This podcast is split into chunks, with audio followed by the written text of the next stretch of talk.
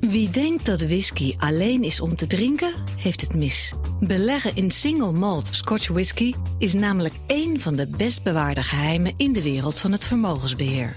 Als real asset past whisky heel mooi in de toenemende vraag naar alternatieve beleggingen. Dat zegt Michel Kappen, oprichter van Scotch Whisky Investments, een van de grootste aanbieders ter wereld van beleggingen in Schotse single malt whisky. Je leest zijn verhaal op fd.nl/slash partner SWI. Een goedemorgen van het FD. Ik ben Pauline Swuster en het is donderdag 22 december.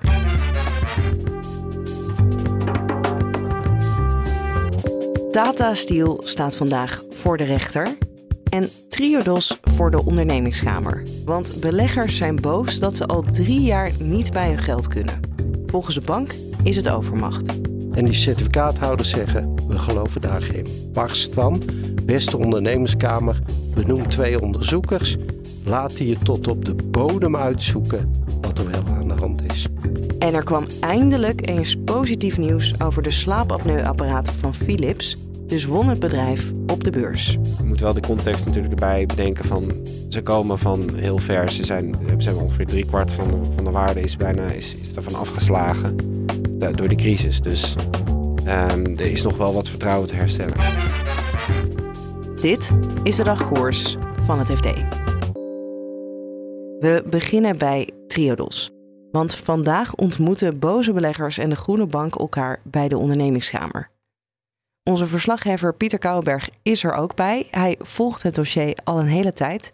En hij vertelt dat de ruzie gaat over certificaten. Dat zijn aandelen uh, zonder stemrecht. Om zeg maar de goede doelen van Triodos te beschermen. En uh, daar krijg je dividend op. En als je er vanaf wilde, dan moest je ze verkopen aan Triodos zelf. En Triodos zocht dan weer nieuwe kopers ervoor. Nou, dat ging jarenlang goed. Tot drie jaar geleden.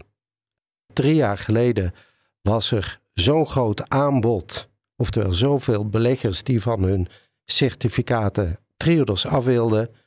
Dat Triodos zegt, die kunnen we niet allemaal kopen.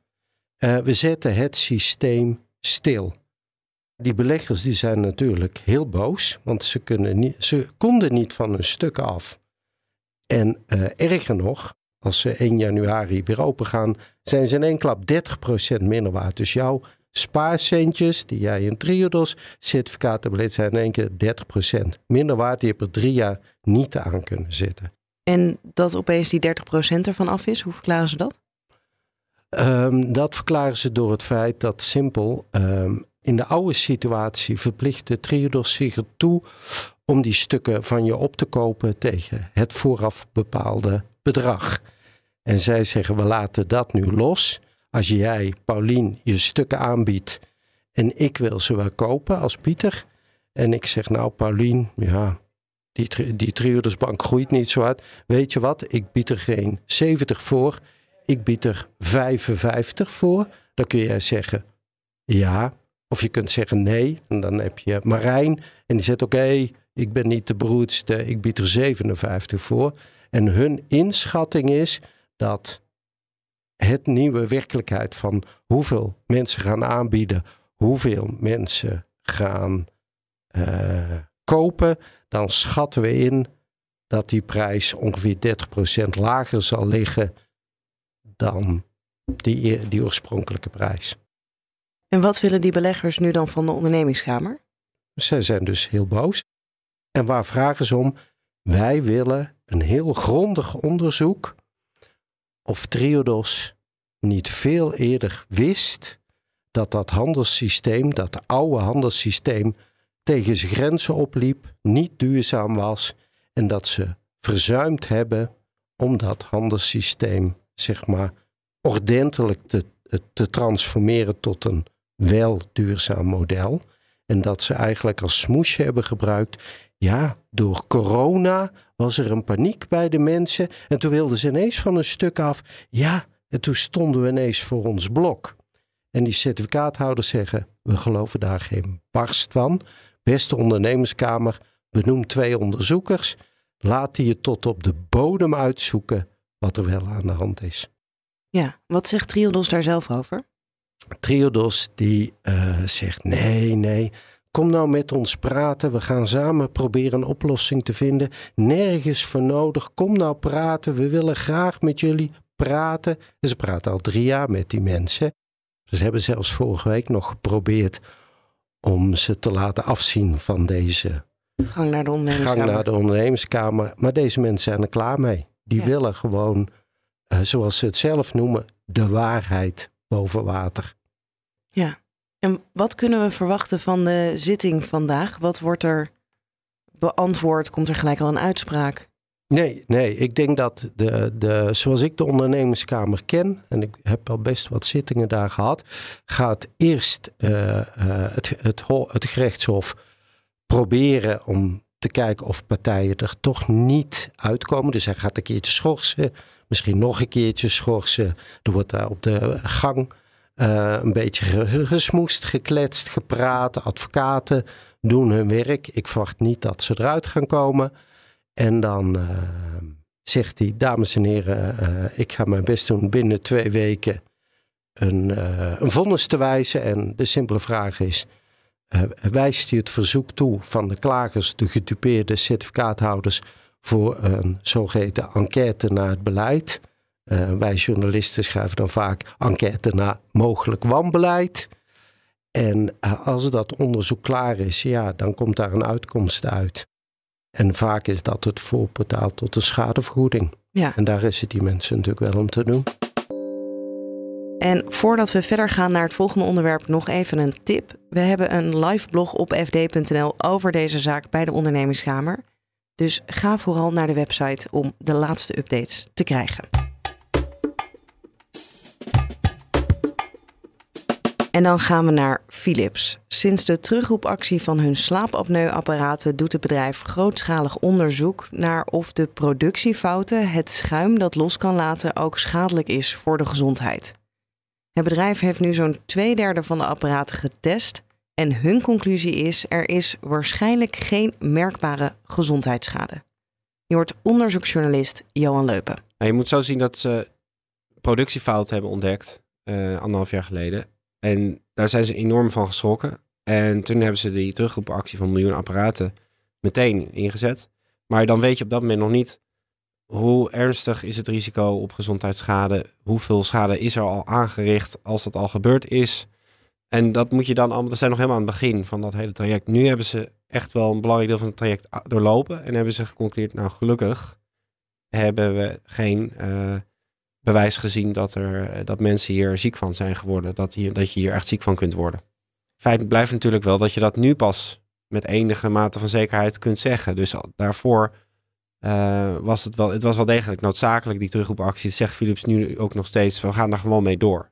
Ja, en moeten deze resultaten nog door iemand worden gecontroleerd? Want het komt ja, toch vanuit het bedrijf zelf. Ja, dat, het blijft zo dat ze nog maar, nog maar uh, de meerderheid van de machines nu kunnen ze grotere uitspraken over doen, dit soort uitspraken, maar ook voor een belangrijk deel, zo'n 30% nog niet. Dus um, uh, ja, dit, het is nog niet volledig uitsluitsel. En het is inderdaad wel in opdracht van Philips. Uh, en we hebben ook gezien dat Philips eerder al wat te uitbundig uh, is geweest in het valt allemaal erg mee. Daar zijn ze ook over op de vingers getikt. En de toezichthouder FDA, de Amerikaanse waakhond, die moet zelf natuurlijk nog een oordeel vellen. Dus die, die is zelf nog bezig met een onderzoek. En dat, ik denk wel dat de buitenwereld veel meer waarde hecht uiteindelijk aan dat onderzoek dan aan dit Philips onderzoek. Ja, want uh, de beleggers waren op zich wel positief. Ja, er is een uh, behoorlijke opleving van de koers. Uh, vijf, zo'n 5% iets meer zelfs op een gegeven moment in de loop van de dag. Nou, dat is op zich voor een, voor een AX-fonds veel.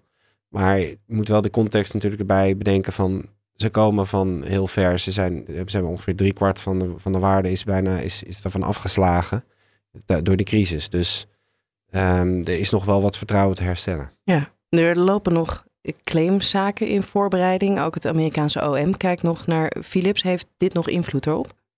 Ja, we zagen ook al in de loop van de dag uh, ING-analisten zeggen uh, dat dit mogelijk de schade kan beperken voor, hè, voor claims uh, die, die patiënten indienen.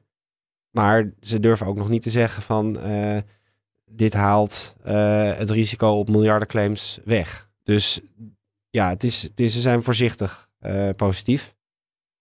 Ik denk wel dat je moet, moet ook bedenken dat beleggers claimen ook schade te hebben geleden. 16 miljard bij in het geval van de VEB. en ja, ik denk wel dat die, die, die, heb ik ook gesproken. En, zij zeggen, je moet dit loszien van uh, onze claim. Want wij, die schade die door beleggers geleden is, is geleden op dit moment. En zij vinden nog steeds dat dat door misleiding en door het niet tijdig en onjuist informeren van Philips is gebeurd. En dan gaan we tot slot naar Tata Steel. Het bedrijf staat vandaag voor de rechter in Amsterdam in een zaak die is aangespannen door de Omgevingsdienst Noord-Holland.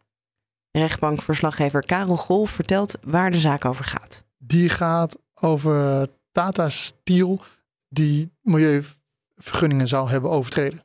En wat voor milieuvergunningen? Wat hebben ze dan gedaan? Nou, ze hebben in ieder geval eh, ze hebben niks gedaan om uh, geuroverlast tegen te gaan.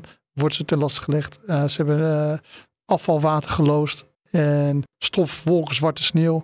daar hebben ze, hebben ze laten ontsnappen, ontstaan. Dus ja, dat mag niet volgens de vergunningen. En wat voor straf kan er komen als Tata Steel inderdaad die vergunningen heeft overtreden? Wat ik begrijp is dat het een geldboete is. Ja, dus het is niet dat het bedrijf stil kan worden gelegd of iets dergelijks. Niet in deze zaak, nee. En je zegt dan niet in deze zaak. Uh, er is een hele grote zaak ook uh, richting Tata. Uh, dat komt later pas. Ja, als die komt. maar dat is inderdaad, volgens mij, het bedrijf als Tata zit altijd wel wat stof omheen. Weet je. Flauw woordspeling, excuus daarvoor.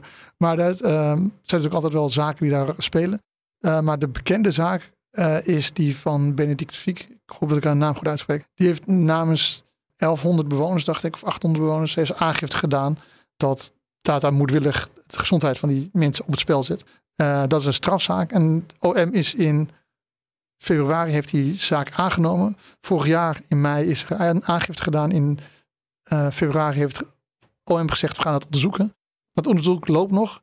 En of en wanneer die rechtszaak er komt, dat is nu even nog niet bekend. Ja, maar ik kan me voorstellen dat dat nog een groter hoofdpijndossier is voor Tata Steel als die zaak er wel komt. Nou ja, zeker. Want uiteindelijk is het de omgevingsdienst die zegt, uh, de, zaak van vandaag, de omgevingsdienst die zegt van, uh, ja, jullie hebben je vergunningen niet goed nageleefd. Dat is al vervelend genoeg, uiteraard. Maar die andere zaak, ja, dat gaat om 800 bewoners. Ja, die gewoon heel kwaad zijn op het bedrijf. En dat heeft natuurlijk veel. En het is gewoon grote, grote maatschappelijke. Dit is ja, eh, een beetje erbij.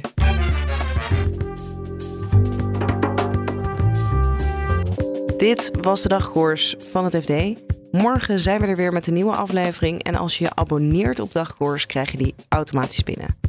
Ondertussen volg je dus de zitting bij de ondernemingskamer en ook het laatste financieel-economisch nieuws op fd.nl.